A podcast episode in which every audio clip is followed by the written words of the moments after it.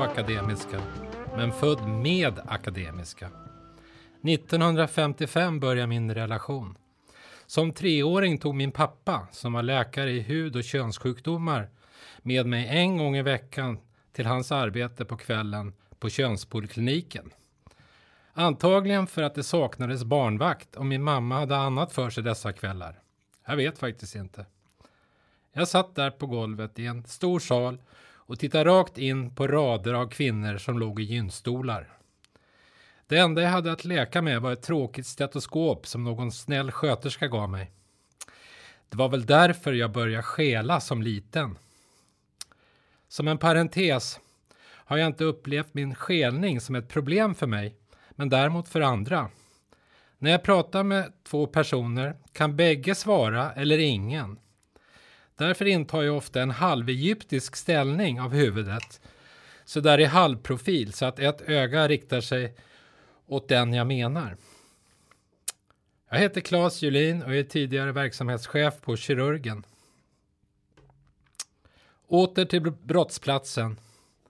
Maj 1957. Än en gång på väg till sjukhuset med pappa i tron att sitta och leka med ett stetoskop. Så blev det inte. Jag skulle läggas in på öron näsa halskliniken. Varför?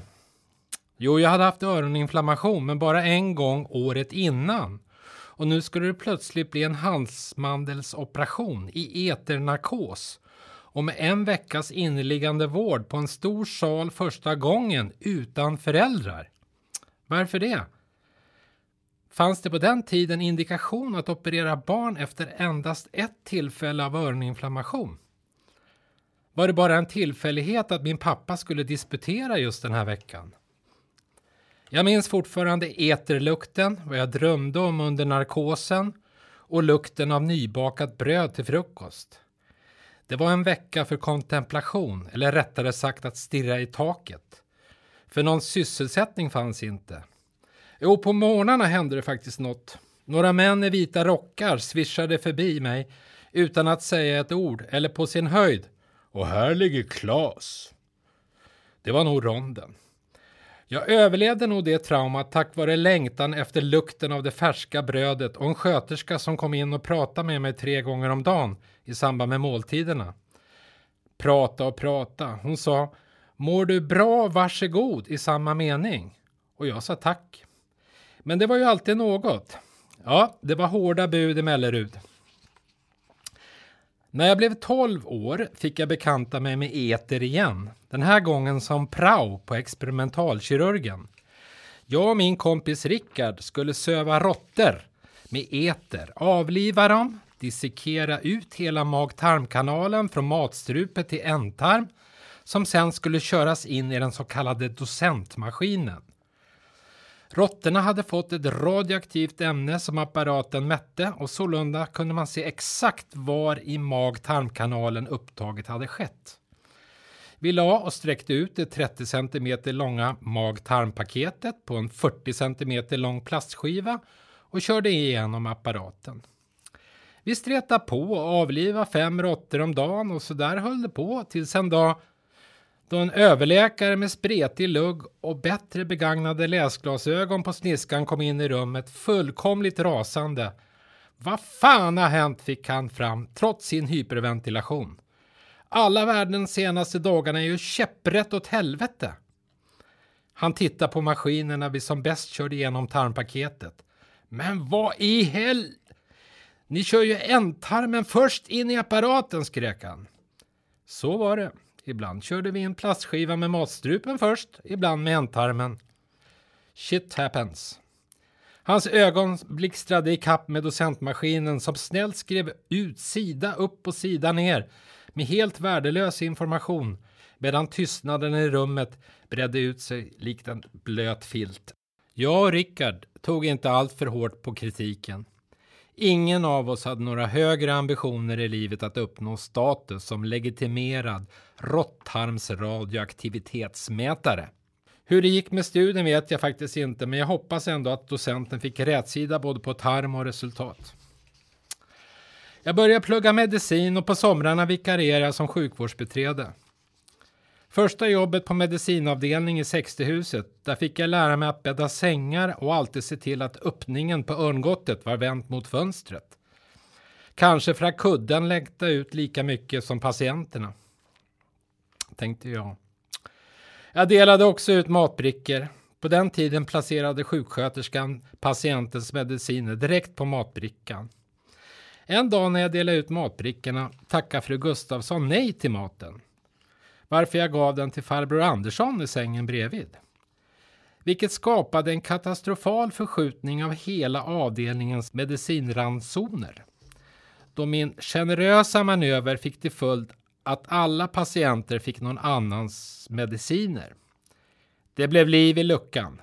Inte minst när man upptäckte att farbror Anderssons blodtrycksmedicin matades ner med sked i fru Dalin som led av ortostatism, det vill säga lågt blodtryck vid hastiga uppresningar.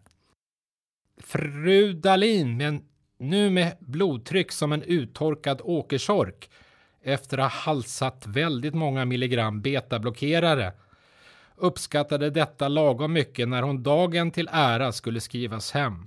Hon fick istället ligga med fötterna i högläge och skedmatas med saltlakrits. Precis som många andra gånger i medicinhistorien så kantas de mest geniala genombrott av simpla misstag. Kanske bäst exemplifierat av penicillinets upptäckare Alexander Fleming. Och så även denna gång på Akademiska i Lilla Uppsala. Efter debaclet som sjukvårdsbeträde beslutades omgående att inga mediciner fick delas ut på matbrickorna på Akis. Ett genombrott i patientsäkerhetstänket. Lex Klas kan vi kalla det genombrottet. Och till fru Dalin, om du nu står upp, det vill säga hoppas jag att du är tacksam för att du fick vara med och skapa medicinhistoria med mig. Efter att jag studerat färdigt hamnade jag som AT-läkare på Vänersborgs lasarett där det självklara valet blev att fortsätta med kirurgi. Varför? Viktigaste orsaken var ett trevligt och inte ett minst sagt humoristiskt gäng av kirurger. Varje morgonmöte började med att det drogs en rolig historia, gärna ofta vad en kollega på ett större sjukhus söderut hade sagt och gjort. Att överväga att bli medicinare fanns inte på kartan. Dessa allvarliga figurer med stetoskop som sina gosefiltar och jag som dessutom hade fått nog av stetoskop som treåring. Vi gjorde ofta så kallade practical jokes med våra kollegor då rätt tillfälle infann sig. Exempelvis en dag klagade en av överläkarna som sysslar med bröstkirurgi på att han överöstes med dåliga remisser från distriktsläkarna. Vi skrev då en fejkad remiss med följande text. Bästa överläkare XX. Undertecknad jobbar som vikarie här på långvården och såg att patienterna som vårdats här inte genomgått en klinisk undersökning sedan väldigt många år tillbaka. Jag har därför undersökt 68 patienter noggrant och funnit förändringar i brösten hos 34 stycken. Jag skulle vilja remittera dem till dig för undersökning och tänkte att jag kunde hyra en buss om de gick och se samma dag. PS. Avdelningschefen, syster Elsa, önskar gärna följa med på en undersökning då hon är lite orolig i naturen. Vi la remissen på överläkarens skrivbord och ställde oss utanför rummet. Hans förväntade skrik kom som på beställning. Samma dag i matsalen klagade klinikchefen på kvinnokliniken att man vid deras ultraljudsundersökningar fick störande radiobrus när man lyssnade på fosterljuden. Vi skrev då ett brev till honom undertecknat en chef från Sveriges Radio att det kommit till kännedom att man vid kvinnokliniken lyssnar på radio utan att ha betalt licens. Vilket fick klinikchefen att ringa upp någon helt oförstående topp på Sveriges Radio och ge honom en utskällning. Efter det låg vi lågt ett tag. Vi så att säga la oss i radioskugga. Under min ST-tid i Vänersborg skulle jag randutbilda mig tre månader i neurokirurgi på Salgrenska sjukhuset. Ett sjukhus som jag aldrig tidigare besökt. Första dagen på min placering där jag blev välkomnad och visad runt på kliniken slutade med att, man tack, att jag tackade för mig och sa nu ses vi imorgon. Vänta ett tag, sa de. Du är ju jour ikväll. Nej! Fasen skulle jag vara jour. Man satte joursökaren i min rock och alla pös hem. Jag bad till Gud att inte jag skulle få något svårt denna natt. Klockan 18 larmade sökaren och jag kunde inte stänga av larmet ens en gång. Jag hade inte numret till växeln och försökte med 00, 01, 02 och så vidare. Tiden gick och svetten rann. Jag hade tur. 09 och växeln svara. Du ska ge dig till akuten på en gång, sa man och la på. Akuten? Var ligger den, tänkte jag. Jag tog hissen ner i kulverten, men där fanns inte en käft att fråga. Där sprang jag och irrade i den tomma kulverten, ut, kulverten utan skyltar. Minuter kändes som timmar. Till slut såg jag en skylt med utgång. Till slut såg jag en skylt med utgång. Tog den vägen, ut på gatan och sprang runt sjukhusbyggnaderna och letade efter en skylt till akuten. Till slut såg jag en skylt med ambulansintag, sprang in där och precis det att efter att patienten kommit in. Jag undersökte patienten, beställde en datortomografi och ringde min bakjour. Puff! När jag skulle gå därifrån kom en sköterska fram till mig och sa Hörru du, du är ingen riktig neurokirurg va? Nej, sa jag. Ja, det märktes för du kom så fort och det brukar inte neurokirurgerna göra. Till Akis kom jag i mitten på 80-talet. Det blev en kulturchock. Allvarlig stämning precis som en medicinklinik och en hierarki som hette duga. Som ny medarbetare och färdigutbildad kirurg hade jag stora förhoppningar att få börja forska och förstås fortsätta att operera. Så blev det inte. Jag fick placering på gastroskopin under en hel termin och ingen vågade ge mig, pojken från landet, ens ett litet forskningsprojekt. Man bad mig ringa till en av överläkarna om jag hittade någonting vid gastroskopin. Så mycket litar man på mig. Efter en vecka hade överläkaren blivit uppringd 20 gånger av mig och tröttnat. Snälla Klas, du behöver inte ringa mera. Det där löser du själv. Ett stort steg för gossen som inte visste vad som var fram och bak på en råttarm. Jag minns att jag tänkte extra mycket på den koleriske docenten med sin radioaktivitetsmaskin när jag halade upp slangen ur dagens sista patient. Om han bara kunde se mig nu. En dag frågade man mig om jag kunde med kort varsel tänka mig att randutbilda mig på thoraxkirurgen. Detta berodde på att den kirurg som var planerad för detta hastigt och lustigt skulle disputera inom några månaders tid. Det hade hans fru bestämt. Jag tackade ja, eller tacka gjorde jag väl egentligen inte och plötsligt så var jag på thoraxkirurgen. Där kallade de mig inte för Klas utan för Chris. Jag förstod snabbt varför. Ingen på kirurgen hade meddelat thorax att jag skulle komma istället för Chris och då placering och jourlistor skrevs ut på maskin på den tiden fick jag finna mig att fortsätta under en annans namn i sex månader. Jag glömdes bort av kirurgen men trivdes på thorax. Här fick jag forska. Efter några år verkar man ändå komma ihåg mig på kirurgen och åter dit med placering på en viss avdelning där få läkare ville vara placerade. Överläkaren var den som bestämde allt. Min funktion var väl att utföra det som överläkaren bestämt, det vill säga allt administrativt arbete. Vid en rond en dag låg en ung man inne för observation av buksmärtor. Han hade typisk sjukdomshistoria och kliniska tecken på blindtarmsinflammation. Överläkaren klämde på magen och sa att det här var ingen blindtarm och han kunde skrivas ut av Julin. Jag visste inte då hur jag skulle reagera. Jag ringde en annan kollega på kliniken och förklarade situationen. Rådet jag fick, gör vad du tror är bäst för patienten. Jag anmälde och opererade patienten samma dag för en sprickfärdig blindtarmsinflammation. Nästa morgon, ny rond med överläkaren. Ligger han kvar här? sa han till oss andra i ronden, omedveten om hans genomgångna operation. Hur mår du idag då? frågade han. Jättebra, svarar patienten. Ja, det var det jag sa igår. Du hade ju inte någon blindtarm. Killen fattade nada. Åren gick, kliniskt arbete varvat med att hämta barn på dagis, alltid sist att hämta, jourer och numera även forskning. Återigen eter och råttor uppe på BMC. Vissa undersökningar på råttorna behövde göras på Akis, varför barnen hellre gick hem själva än att bli hämtade av mig med en bil som stank råttpiss. En stor del av kliniken och forskningen handlade om endokrinkirurgi. Ni vet körtlar som producerar mormoner. Jösses vad jag trivdes. Sen kom trauma in i livet. Min bästa vän Jonas frågade om jag var intresserad att vara med på tåget. För i, i sådana fall skulle vi gå en kurs som bara fanns i USA. Nämligen ATLS. Sagt och gjort och på planet på väg till USA tog vi fram kursboken. Där det också låg ett formulär. Det var en så kallad pretest. Som man skulle lämna in innan kursen.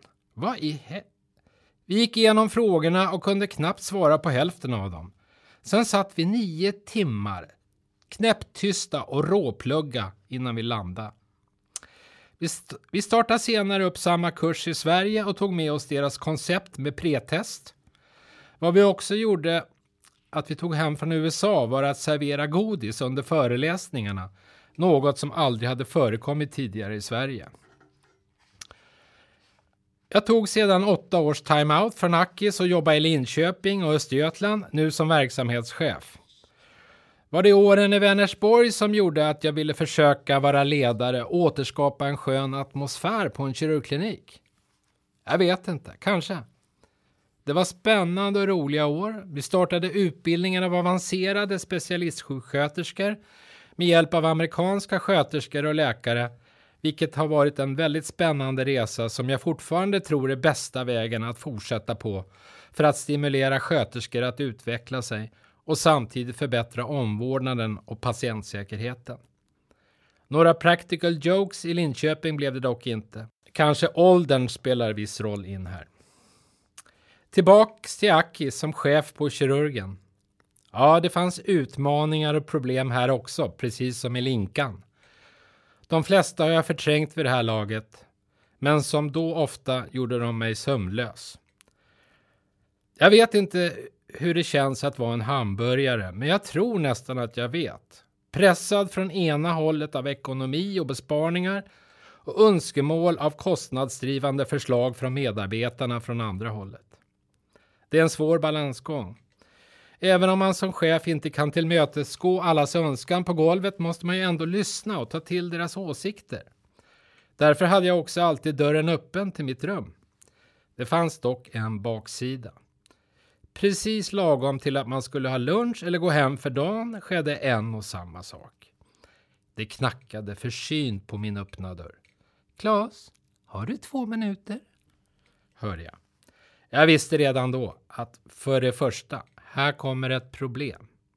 För det andra, det tar definitivt inga två minuter. Vederbörande lade då fram sitt problem och önskade att jag skulle besluta något som passade vederbörande och simsalabim skulle saken vara löst. Så blev det sällan av flera skäl, ytterst sällan. Istället blev svaret, beslutet, skjutet på och inte bara hängande i luften utan även liggande bakerst i mitt huvud.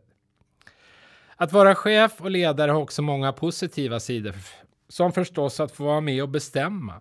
Men framför allt att se när medarbetarna utvecklas, när de trivs och skrattar och inte minst när man bedriver högklassig sjukvård och forskning för patienternas skull. Kanske är det lite så, när jag ser tillbaka på allt, att Akademiska inte bara varit en fantastisk arbetsplats, utan en naturlig och integrerad del av mitt liv som jag sett inifrån både som patient, forskarassistent, vårdbiträde, student, läkare, chef och kollega. Jag har sett utveckling, progress och framåtanda och jag har lärt känna vänner för livet. Allt under ett och samma tak. Idag då? På pappret ska jag ju vara pensionär. Eller? Ja, jag jobbar nog nästan lika mycket som förr. Jag har min fot kvar på akademiska men även inom andra enheter och förvaltningar. Men saknar mina forna arbetskamrater på huset. Det är svårt att slita sig från något som har varit en sån stor del av mitt liv och som jag älskar. Det enda jag inte saknar är lukten av eter. Tack för att ni har lyssnat.